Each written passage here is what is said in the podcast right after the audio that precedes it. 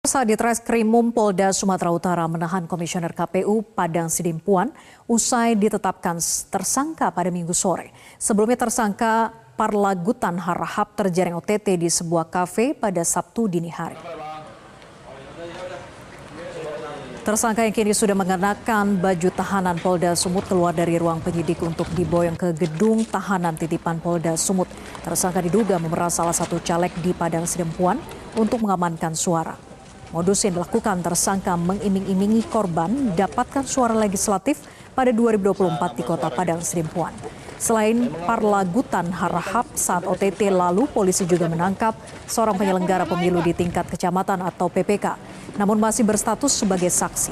Barang bukti yang diamankan uang tunai 26 juta rupiah dan surat-surat.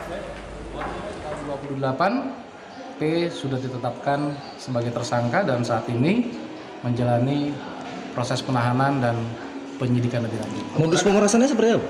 Modus pemerasannya seperti apa? Terkait dengan modus